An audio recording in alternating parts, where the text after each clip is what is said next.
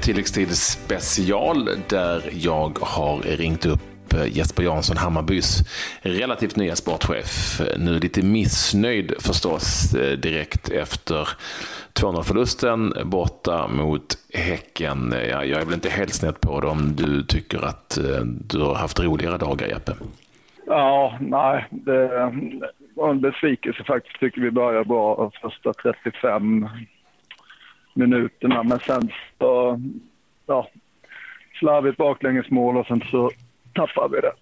Så nej, det känns inte riktigt bra just nu. Nej.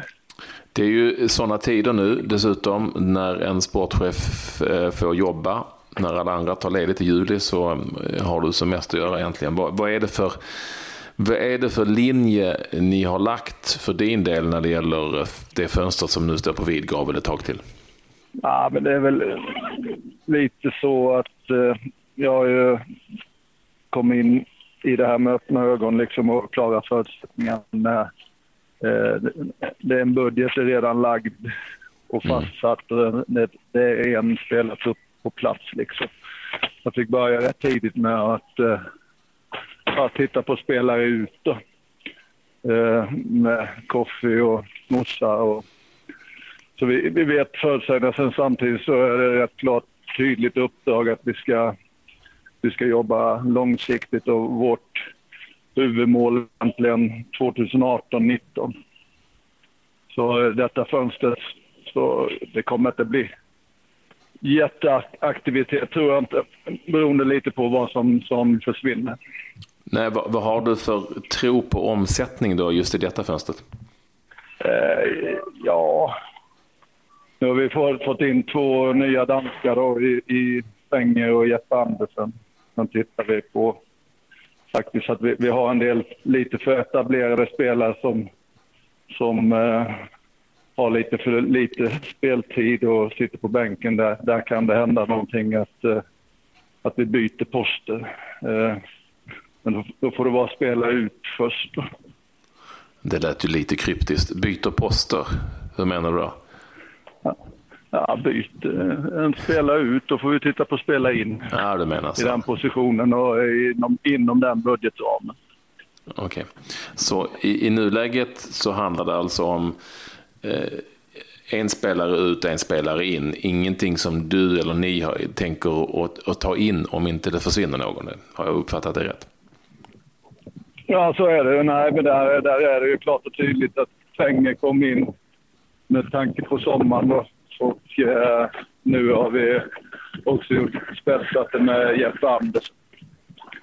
Eh, så det är två, två nya spelare, två kan man säga, högprofilerade spelare som, är, som, eh, som ska prestera på en hög nivå. Liksom. Eh, och i, i vår, vårt fall, i vår budget, och, så, så är det ja, två starka nyförvärv. Liksom.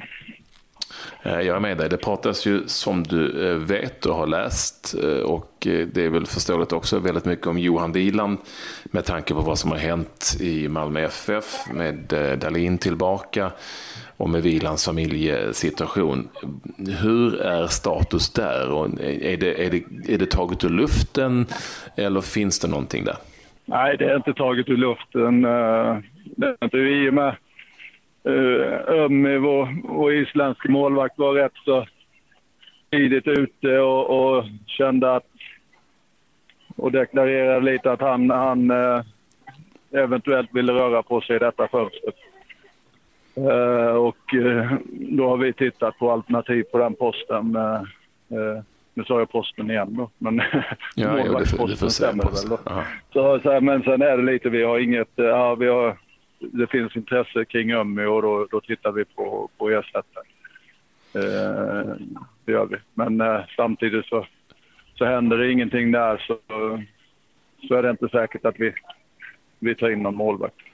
Så. Men vi har, vi har givetvis tittat på, på alternativ och då är ju det, det, blir bara löjligt att inte säga att Johan är ett av de alternativen. Han är det enda alternativet alltså?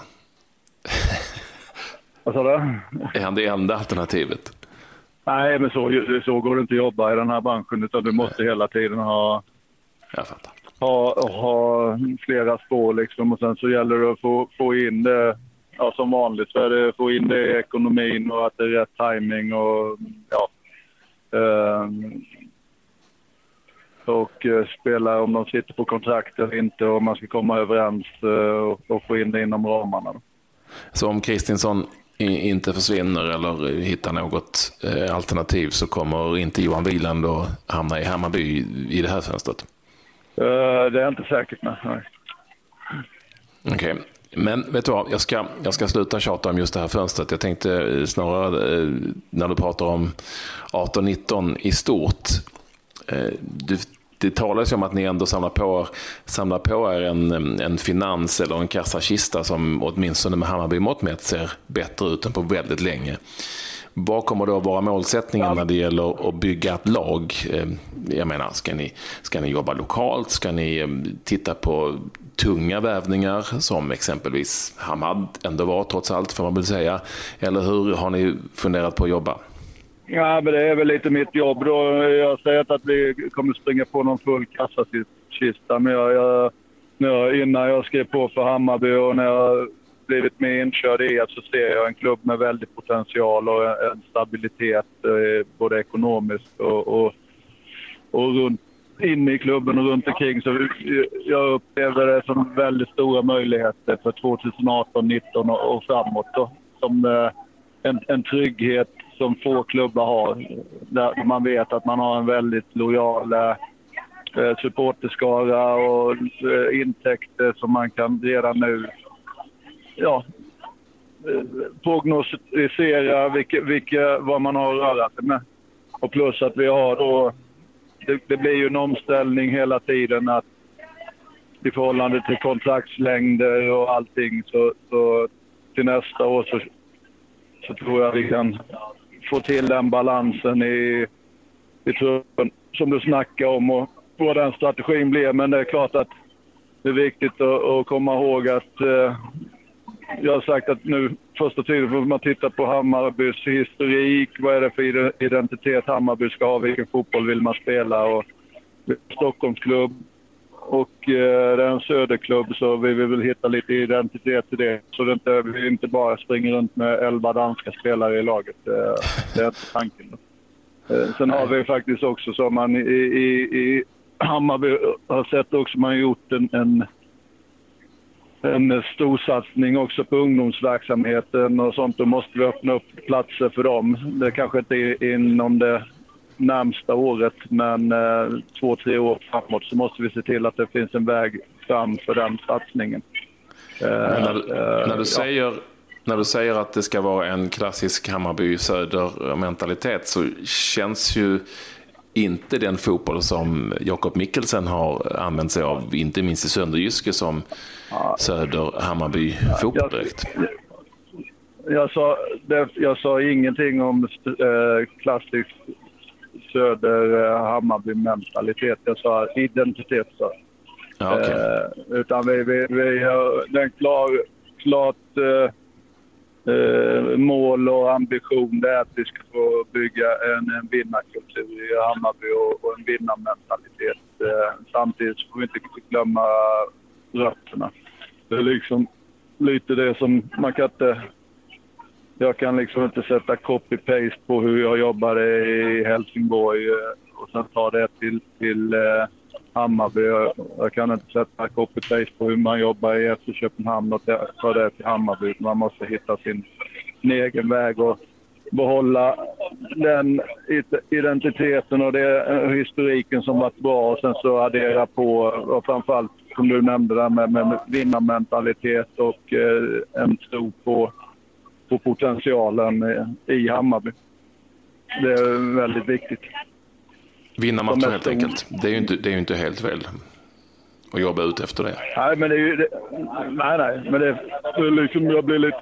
Vad ska jag säga, det är ju ingen motsättning att spela undan, underhållande fotboll och vinna matcher. Är, ibland så pratar man om det som att, att det vore en motsättning i det. Eh, det är det ju inte man kan vinna matcher med underhållande fotboll, men sen i slutändan så är det ju viktigast att vinna, eh, definitivt. Det tror jag alla supportrar och, och eh, medlemmar och alla som följer ett lag de, de ser ju hellre att man vinner än att, att spela en fantastisk fotboll och underhållande och sen förlora med 2-0 som idag. Du, hur, stor, hur stor del har du hunnit ha i de här värvningarna som ni har gjort nu, Fenger och, och Jeppe Andersen?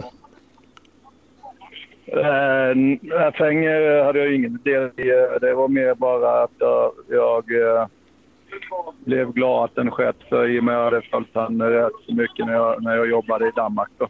Jag tycker mm. det, så det var bara, kändes wow, härligt att, att han äh, var på plats. Sen så äh, Jeppe Andersen har ju givetvis varit, äh, ja, kört igenom tillsammans med, med, med Jakob. Och Jakob, naturligt sett så, så känner Jakob till eh, kanske den, den eh, danska marknaden bättre än han känner, in, äh, känner till andra marknader. Så, så är det väl lite bra också att jag var där lite över ett år och också känner till äh, jättebra.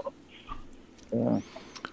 Du, du Jeppe, jag undrar förstås också, eh, pratar du också danska med eh, Mikkelsen? Eller engelska, Nej, fan. menar jag. Pratar du engelska, danska eller svenska? Vi engelska. Är det sant? Han pratar engelska. Ja, men han, jag förstår danska och han eh, förstår ju svenska. Ja. Men eh, du, du vet, jag pratar ju lite grötigt och långsamt och otydligt. Så det är bättre att köpa engelska. Right. I vart fall när vi snackar i telefon. Okej, okay, jag fattar. Jag, jag, tänkte bara att du har ju varit i FC Köpenhamn och jobbat. Pratar du engelska där också? Ja, i FCK gick faktiskt allting på engelska då. I och med vi, vi var så många... Ja, Ståhle är ju norsk och så, så var det Wettergren och jag och Falby som var svenska och sen en holländsk målvaktstränare och en engelsk fystränare och, och många nationaliteter i, i spelartruppen. Så där gick allting på engelska. International. Eh, vad gött. Ja, du, tack så jättemycket för att du ställde upp här efter en, ett, ett trist resultat för Hammarbys del. Eh, kör hårt ja. framöver. Får ja. vi se vad det blir då eh, nästa år när det väl är dags. Och så får vi väl se om Kristinsson försvinner eller inte. Och i så fall kanske ja. det blir en Johan Wieland på målvakts, målvaktsposten. Jesper Jansson, tack så mycket för att du ville vara med i tilläggstid. Tack själv.